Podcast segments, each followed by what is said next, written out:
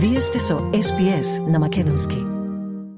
Во денешниот билтен, јужноавстралиците се подготвуваат за поплави што се очекуваат откако нивото на реката Маре ќе го достигне врвот. Најмалку 25 луѓе загинаа во Соединетите држави со во монструозното зимско невреме. Најмалку 10 луѓе затрупани во лавина во Австрија. ВМРО ДПМН да би можела да ја даде подршка на партијата од албанскиот етнички блок БЕСА во најавените протести со барање за предвремени парламентарни избори во Македонија. И рускиот преседател Владимир Путин изјави дека неговата земја е подготвена да преговара за некои прифатливи резултати со Украина. Следува, следува прегледот вести на СПС на Македонски за 26 декември 2022. Јас сум Радица Бојковска Димитровска, останете со нас. Државната служба за вонредни состојби им соопшти на луѓето во заедницата во Болтово близина на Манум, источно од Адалајд, дека не е безбедно да се евакуираат поради значителна штета на Хантеројд во близина на Хейторп Резерв. Предупредувањата за поплави остануваат во сила за местата околу горниот и долниот дел на реката Мара и во Јужна Австралија, додека заедниците се подготвуваат за поплава откако нивото на реката ќе го достигне врвот. Контролорот на инцид... за инциденти на службите за вонредни состојби Уейн Палмер вели дека екипите составени од волонтери кои професионално ги извршуваат задачите, работат дење и ноќе во проверки на насипите, за што луѓето им се особено благодарни. Our volunteers are really dedicated um, and professional at what they do, so they see the need and they're assisting the communities. You know, you get stopped in the street and, uh, you know, and just thanked for being here. Um, volunteers are saying the same thing, so it is, it's really good being acknowledged by the community. Еден човек е обвинет за убиство на постар човек на Божик. Полицијата и службите за итни случаи беа повикани во куќа во Аделаид вчера вечер, откако им било јавено дека маж бил избоден со нож. Тие пронајдоа тело на 71 годишен маж во куќа во Рейнела Ист. 45 годишен маж на истата адреса е уапсен и обвинет за убиство. Нему му беше одбиена кауцијата и во среда ќе се појави пред судот во Кристис Бич. Полицијата вели, вели најверојатно двајцата мажи се познавале меѓусебно а едно лице вчера загина во сообраќајна несреќа во регионот Тубумба во Квинсленд. Автомобил влетал во куќа на 55 годишен маж, предизвикувајќи му смртоносни повреди. Според полицијата, возачот побегнал, но подосна бил уапсен во близина на Милерман, 200 км западно од Бризбен. Детективите и единицата за истрага ги истражуваат околностите во кои се случил инцидентот. Две лица загинаа во несреќа со мал авион во Топ Енд во северната територија. Пилотот и патникот го напуштиле аеродромот Гов во источен Архен во околу 8.30 часот во саботата, упатувајќи се кон Кетрин 530 км југозападно, но не успеале да стигнат до својата дестинација. По потрагата на полицијата и Австралиската управа за поморска безбедност, остатоци од авионот беа пронајдени на околу 250 км североисточно од Кетрин. Најмалку 25 луѓе загинаа ширум Соединетите Американски држави во монструозното зимско невреме кое токму на Божик со мраз и снег зароби стотици милиони луѓе. Се очекува бројот на жртвите да се зголеми, бидејќи невремето ќе зароби уште поголем број жители во нивните домови со големи снежни наноси и ќе ја прекине струјата во неколку стотици илјади домови и деловни објекти. Невремето се протега од Great Lakes во близината на Канада до Рио Гранде, до границата со Мексико. Стотици летови се откажани, а се очекуваат уште повеќе откажувања по така наречениот циклон на бомби, кога атмосферскиот притисок многу брзо паѓа при силна бура, што се разви во близина на големите езера, предизвикувајќи услови за снежна бура со ветер со голема брзина и снег. Извршниот директор на округот Ири, Марк Полонкарц, вели дека очекуваат уште повеќе смртни случаи. There may be more. I don't want to say that this is going to be it because that would be it would be fallacy for me to say that because we know there are people who've been stuck in cars for more than two days, and there are people in homes that are uh, below freezing now temperatures. Движењето Беса кое име Четворица пратеници и действува како независна група, иако на изборите во 2020 година во Македонското собрание влезе преку листата на Социјалдемократскиот сојуз за Македонија, вчера објави дека нема да даде подршка за уставни измени доколку нема предвремени избори. Лидерот на движењето Белјал Касами вчера на пресконференција изјави дека ако власта нема слух да излезе во пресрет на барањата, партијата најавува порадикални мерки.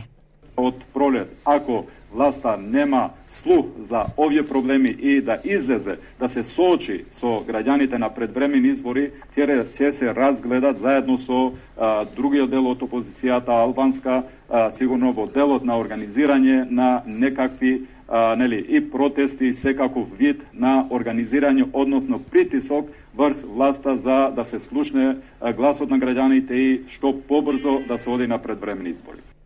Касами е подготвен за соработка со другите опозицијски партии. Вчера и новиот председател на Алијансата на албанците Арбен Даравари најави од денеска континуирана кампања до одржување на следните избори.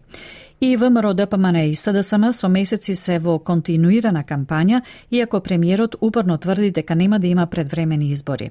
Тим Чомуцунски, подпредседател на ВМРО да ДПМН, синоќа на ТВ Сител рече дека партијата би можела да ја подржи Беса во најавите за протести, како форма на притисок врз власта за предвремени парламентарни избори.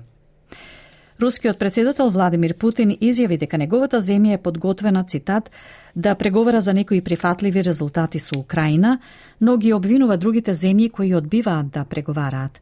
Руската влада вели дека Русија ќе се бори додека не се постигнат сите најзени цели, додека владата на Украина пак вели дека нема да мирува се додека и последниот руски војник не биде исфрлен од незината територија.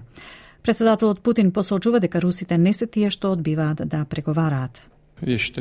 I believe we are acting in the right direction. We are defending our national interests, the interests of our citizens, our people. I reiterate, we don't have any other choices but to protect our citizens.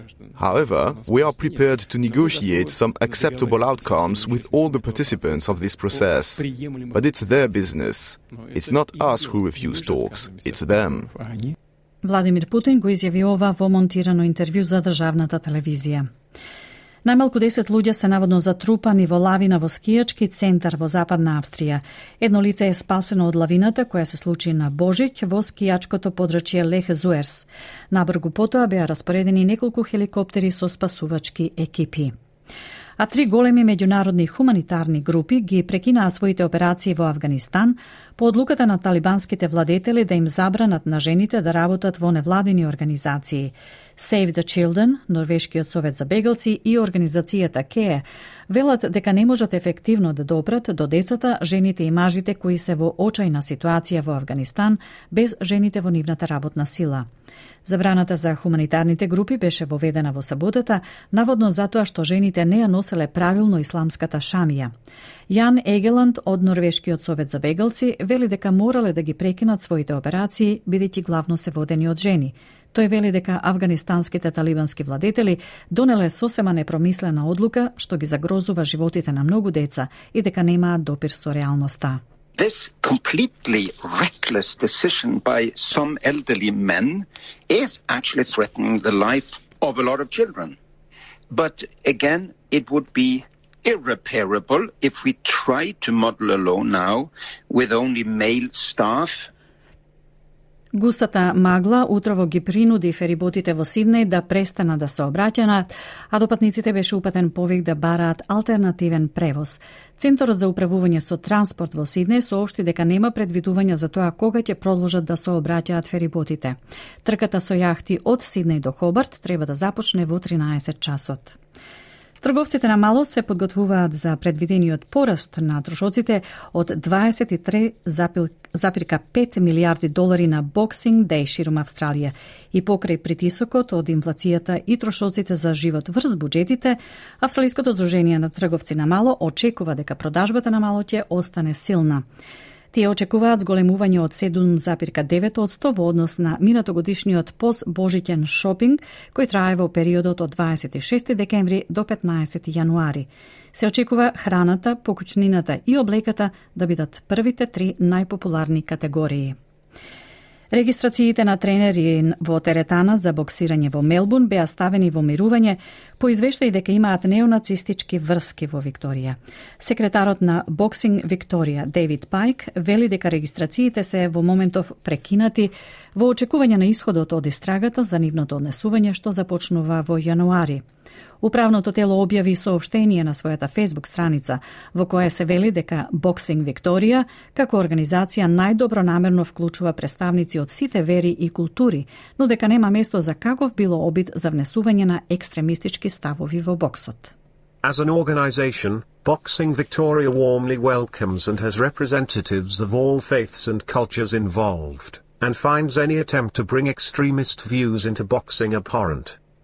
Овој потек уследи по извештајот во вестникот DH дека теретаната Legacy Boxing Gym во населбата Sunshine West во Мелбурн одржала настан во објектот каде што биле истакнате знамења на СС и кукасти крстови, како и други символи на крајната десница.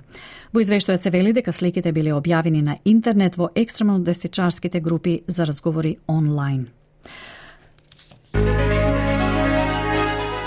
Од најновата курсна листа, денеска еден австралиски долар се минува за 0,63 евра, за 0,67 американски долари и за 38,55 македонски денари, додека еден американски долар се менува за 57,44 македонски денари, а едно евро за 60,97 македонски денари. Еве ја накусо и временската прогноза за главните градови за утре, вторник, 27 декември. Перт претежно сончево, максималната ке стаса до 27 степен. Аделаид сончево и Жешко, максимална 40. Сончево и завас во Мелбурн со максимална до 37 степени. Хобарт претежно сончево 30, сончево и за Камбера 32, Сиднеј претежно сончево 27, Бризбен услови за дожд 28, Дарвин врнежливо со услови за бура 32 и Алис Спрингс врнежливо со максимална до 29 степени.